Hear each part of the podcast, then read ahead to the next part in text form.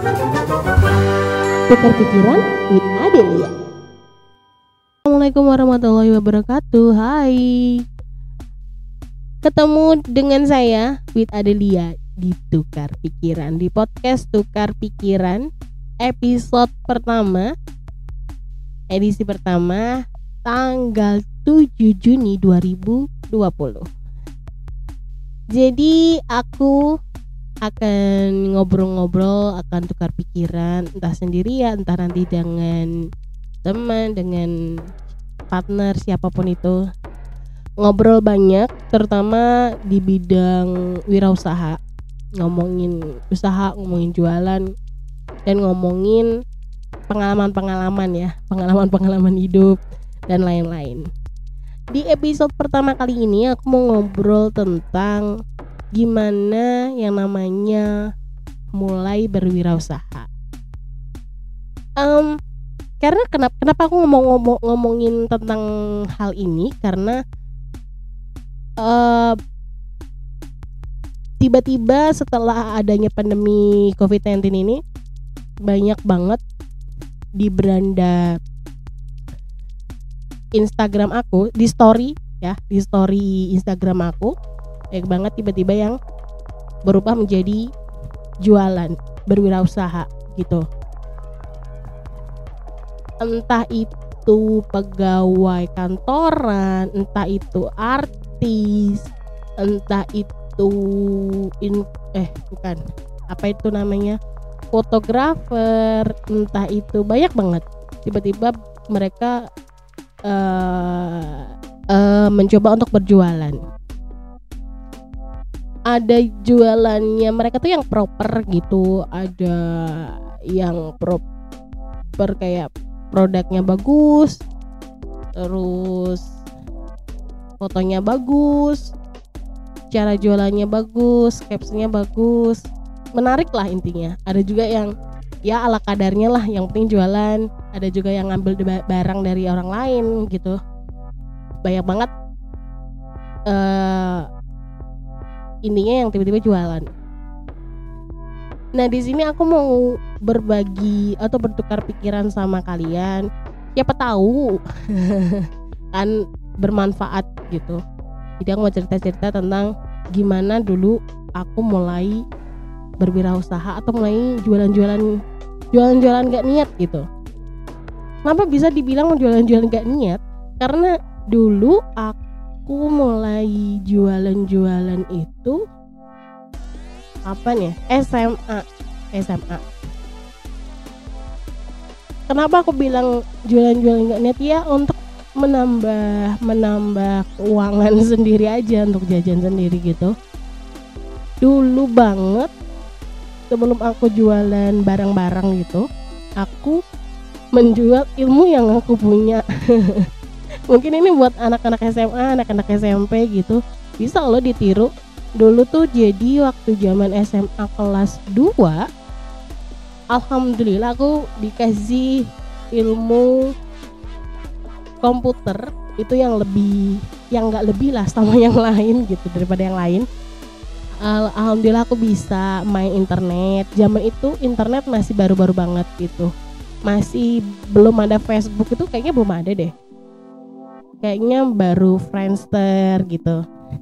Internet juga warnet. Di rumah itu belum ada yang namanya internet. Komputer juga masih komputer-komputer tabung kayak gitu-gitu. Karena aku bisa pelajaran itu dan gak gak semua teman-teman aku bisa. Jadi ada tugas gimana harus mengirimkan email. Nah dulu pakainya Yahoo. Iya pakainya Yahoo dulu. Jadi uh, harus ngirim email sama ada tugas gitu.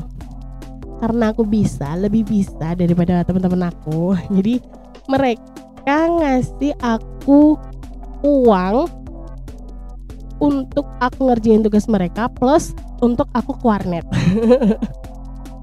Karena dulu tuh berapa ya? Banyak sih kalau aku lupa berapanya cuman banyak lah. Aku bisa jajan lah itu ada lima atau enam orang gitu yang nitip tugas ke aku itu. Jadi lumayan tuh awal-awal dulu. Jadi nggak lewat barang tapi lewat apa yang kita bisa aja tuh untuk anak-anak SMA SMP mungkin kalau kalian pinter ngerjain apa gitu matematika bisa tuh dibisnisin tuh ya. Terus aku SMA aku lupa kelas berapa. Waktu itu uh, yang namanya Shell ya Shell itu Shell itu lagi marak banget lagi lagi hits banget. Orang pada jualan sal gitu. Dan itu mahal-mahal. Zaman dulu tuh harga 35 ribu gitu tuh udah mahal banget itu. Dan aku punya ide nggak tahu deh aku gimana dulu bisa bisa punya ide gitu untuk pergi ke penjual kain kiloan. Jual kain tapi tapi nggak meteran gitu. Harganya harganya di kilo di kiloin gitu. Aku cari kain-kain yang bermotif-motif bagus gitu. Diukur ukuran aku minta diukur ukuran shawl gitu. Terus aku pergi ke penjahit aku yang namanya ob obras kalau nggak salah ya. Obras atau apa gitu. Itu dulu modal cuman sepuluh ribu kali ya 10 sampai 12 ribuan gitu. Terus aku jual 20 sampai 25 ribu. Itu tergantung motifnya gitu. Semakin bagus motifnya kayak ada motif macan motif apa warna gradasi hitam putih. Pokoknya yang warna-warna yang bagus aku jualin agak mahal gitu. Dan itu laku keras banget banget.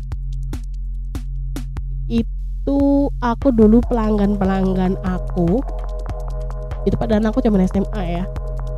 Adalah orang-orang radio. Mereka tahu dari aku jualan tuh dari apa ya? Kayaknya Friendster deh. Dari Friendster kayaknya.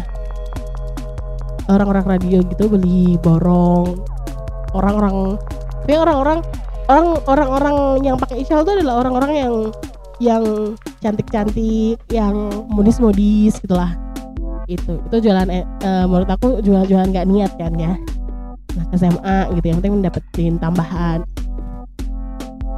Uh, terus aku pernah lagi jualan yang namanya jadi kalian harus cari peluang aja gitu peluang gimana kalau kalian nggak serius ya cuman pengen ya iseng-iseng nambah penghasilan nambah-nambah uang jajan gitu. Nambah-nambah ya bisa beli buat beli beras gitu buat beli beras kilo seminggu dua kilo gitu kan mungkin bisa itu untuk nambah-nambah. Um, aku pernah jualan lagi itu oh ini yang menurut aku uh, agak wah gitu agak wah karena aku udah kayak jadi punya reseller produk aku di mana-mana. Itu sampai ada yang di Surabaya padahal aku bener-bener ya jualan-jualan nggak niat gitu. Gimana sih ya? Itu zaman kuliah awal-awal deh kayaknya. Jadi uh, karena aku dulu zaman kuliah-kuliah awal tuh sering banget main ke Bandung. Aku tren tren center makanan tren center baju tren center apa apa kan semuanya dari Bandung kan. Karena aku sering main ke Bandung waktu itu jauh sebelum mi eh namanya Lidi Lidian itu uh, happening banget di Indonesia. Itu pertama kali ada yang aku tahu ya. Itu ada brand yang namanya Nanut Nanut Minyereh Minyereh itu artinya milidi ya. Dari bahasa Sunda kayaknya kalau nggak salah. Minyereh itu dan itu terkenal banget. Dia sampai punya outlet banyak banget sampai uh, brand dia itu menciptakan eh bikin yang namanya banyak produk gitu. Nggak cuma minyereh aja. Rasanya enak. Kalau di Bandung sih harganya murah ya. Cuman kalau udah keluar Bandung karena kena ongkos kirim dan lain-lain harga lumayan mahal gitu. Aku terinspirasi dari itu karena itu belum ada saingannya banyak aku bikin versi murahnya. Gitu jadi aku beli melidi sendiri diracik sendiri. Aku zaman itu ke pasar loh. Aku ke pasar sendiri beli apa sih namanya daun jeruk sendiri beli ebi sendiri cabai sendiri. Aku keringin sendiri. Jadi aku nggak pakai cabai yang aku beli di pasar gitu enggak aku aku keringin sendiri semua memang homemade gitu. Karena modal terbatas ya aku pakai uh, uang jajan sendiri. Uh, karena modal terbatas aku nggak punya mesin untuk pengepresan itu nggak punya jadi aku pakai plastik seadanya. Tapi bisa bisa rapet lah intinya. Kalau sekarang ya kalau aku lihat sekarang aduh nggak banget deh produk aku itu. Bentuknya nggak banget. Aku bikin stiker sendiri yang ala kadarnya juga tapi sudah pakai nama brand aku yang sekarang. Jadi namanya sama sama brand aku yang sekarang. Cuman beda beda beda apa ya logonya beda gitu. Aku jualan itu harganya berapa ya? Aduh aku lupa harganya. Harganya lupa pokoknya murah lah murah. Untuk anak-anak kuliah tuh murah banget. Oke. Di sini aku lagi buka ini nih Facebooknya. Facebooknya namanya Lex L E X spasi Gendun. Ini sebenarnya ada beberapa cuman kalian bisa lihat yang gambarnya itu uh, ini apa namanya Milidi tuh mungkin kalian bisa lihat di situ. Aku namanya sodo mie sodo. Sodo itu kalau di kalian orang Jawa itu ada sapu sodo sapu lidi. Nah aku pakai itu sama itu. Terus rasanya pun banyak gitu. Keju ayam sapi panggang jagung balado barbecue pizza tuh banyak banget tuh. Aku punya reseller tuh banyak banget ya. Ini waktu zamannya dulu BBM ya. Udah zaman BBM jadi banyak banget di sini pin-pin gitu. Ini ada karena aku anak kuliahan gitu banyak yang anak kuliahan juga yang jual yang jualin. Itu ada Dewa ada Dita. Ini dari kawasan Gunung Pati. Yang dari Undip tuh ada Sisil di Karyadi itu wilayah. Karyadi rumah sakit Karyadi itu ada juga. Namanya Ayu. Di Purworejo ada Ngalian ada Surabaya ada tuh kan banyak banget loh ini. Aku jualan banyak resellernya gitu. Baru terpikiran serius bikin usaha itu di akhir-akhir zaman kuliah gitu. Nggak tahu gimana awalnya aku lupa. Punya uang 100 ribu. Punya uang 100 ribu pengen buat modal untuk usaha. 100 ribu itu beneran. Aku beliin packaging yang biasa banget biasa banget.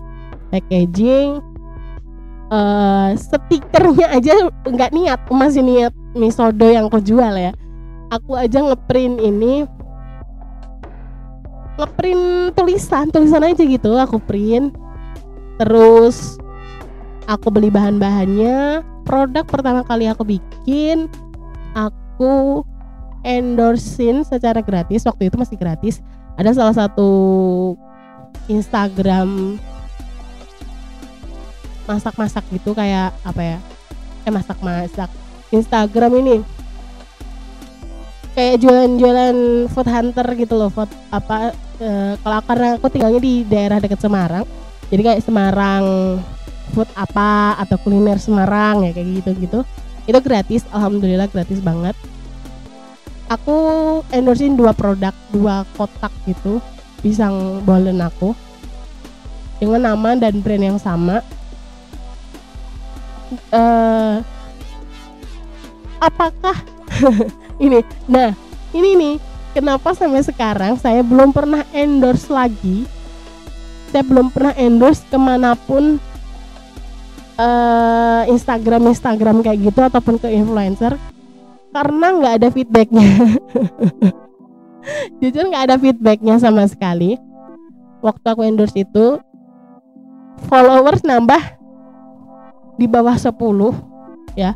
Waktu itu udah ada Instagram kan di bawah 10 jadi nggak nambah apa-apa. Jadi sampai makanya uh, walaupun aku udah jualan udah lama followers aku asli cari sendiri. Aku nggak pernah endorse ke mana-mana jadi semua followers aku semua yang order ke aku order lagi ke aku murni dari mereka karena suka sama produk aku gitu. Awal-awal aku jualan semua masih kayak yang biasa-biasa aja gitu. Aku seriusin cuman bertahap karena modal aku kan sedikit tuh. Jadi bertahap. Oh aku beli tempatnya lagi yang lebih bagus. Dulu tuh Mika Mika brownies gitu kan. So aku beli lagi uh, upgrade ke kardus aku upgrade stikernya. Stiker itu aku udah ganti beberapa kali. Sampai fix aku nemuin sampai terakhir terakhir ini yang bener-bener desainnya fix gitu. Nggak akan aku ganti lagi. Terus uh, variannya. Variannya aku nggak keluarin semua. Langsung brek gitu. Coklat apa keju nggak. Aku keluarin satu-satu. Jadi oh untuk bulan ini untuk satu bulan ini dua bulan ini untuk satu bulan ini dua bulan ini uh, rasa ini. Nanti untuk bulan selanjutnya rasa ini gitu. Jadi pelan-pelan lah. Kalau foto aku pun foto sendiri.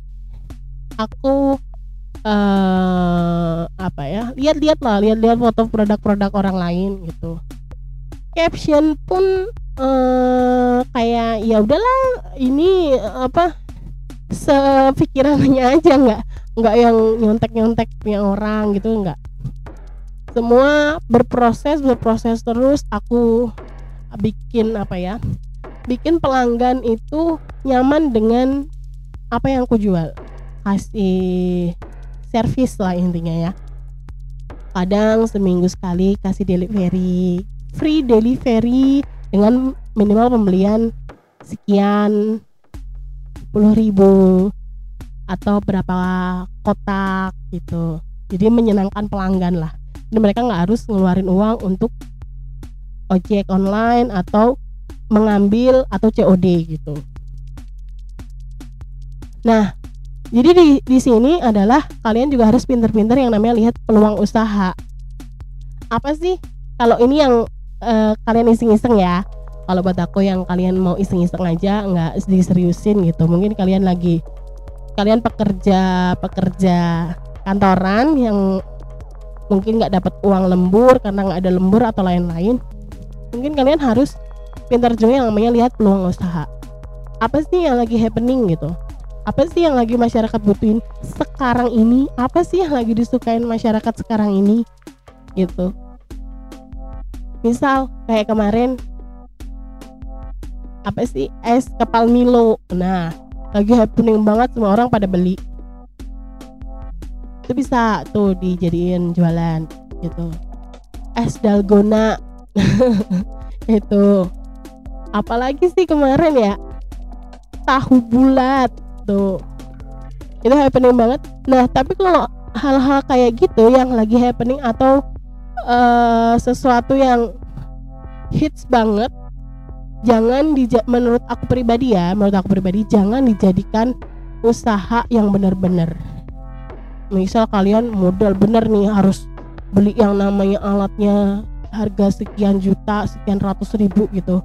Kalau menurut aku sayang sayang aja. Karena itu sesuatu yang happening sesuatu yang muncul dadakan populer itu akan cepat ngeredupnya kenyataannya memang seperti itu kan tahu bulat tahu bulat digoreng dadakan. Game sampai gamenya pun ada kan.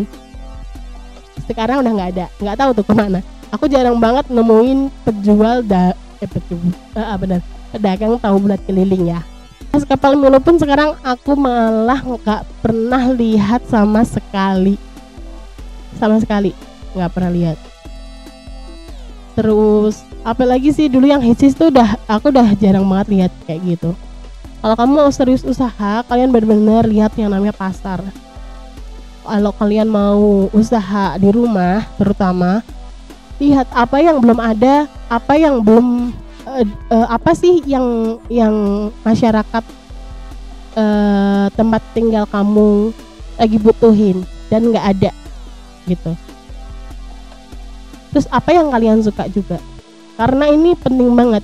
Kalau kalian menurut aku pribadi kalau kalian suka kalau kalian hobi sama satu uh, satu apa ya satu hal dan itu kalian jadikan usaha misal yang namanya orang jualan kan pasti ada uh, sepinya juga.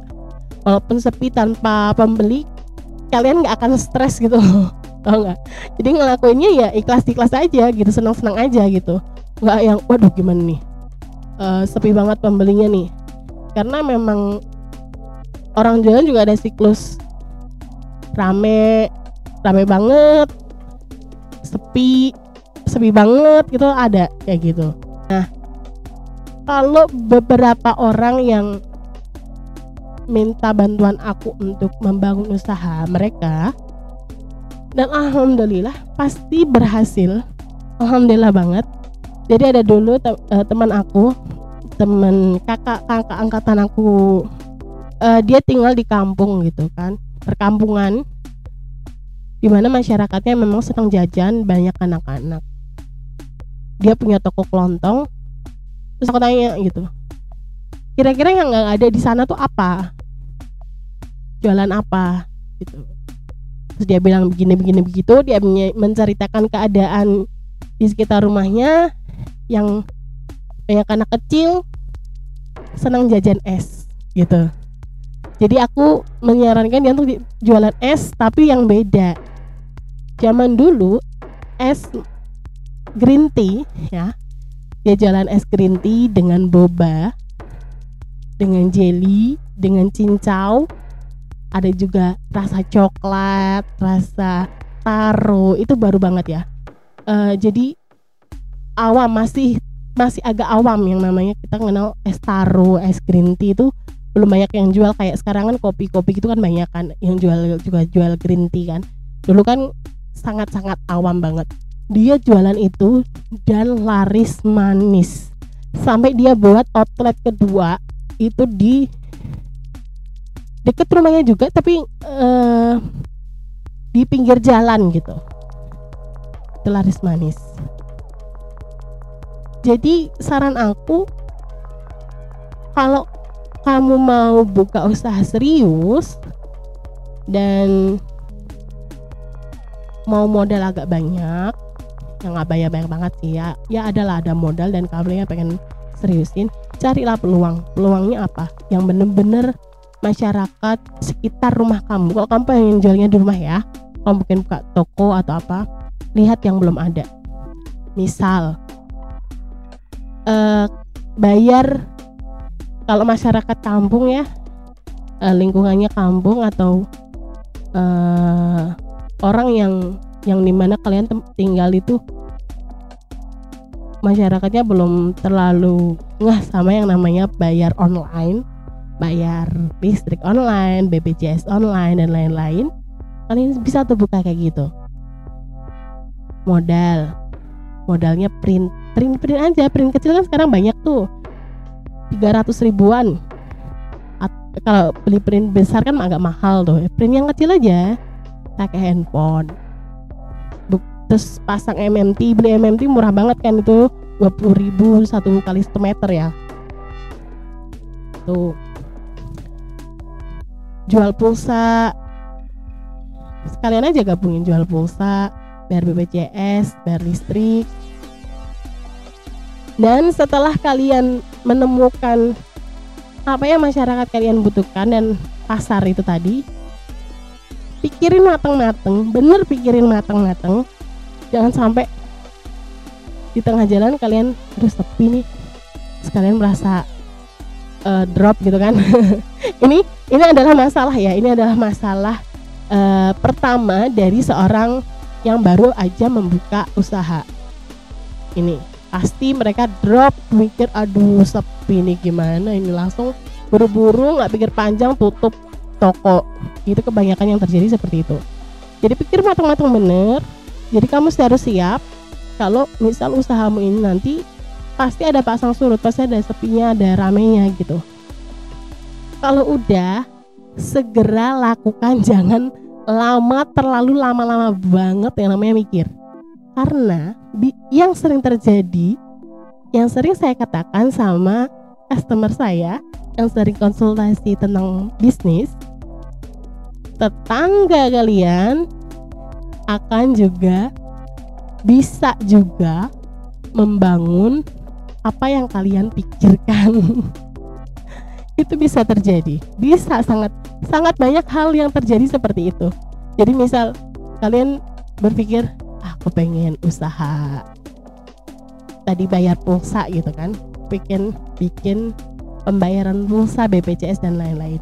Kalian lama mikir nih tetangga eh, tiga rumah kalian jaraknya tiga rumah dari kalian juga punya pikiran yang sama. Ternyata kalau kalian kebanyakan mikir tangga kalian udah bikin duluan. Ini banyak banget terjadi banyak. Sering sering sekali terjadi seperti itu. Jadi kalau benar-benar udah yang namanya mantep sama pikiran modal ada ya aku mau nih uh, bangun usaha ini dengan segala resikonya segera lakukan. Jangan sampai menyesal karena tetangga anda tiba-tiba membangun usaha itu duluan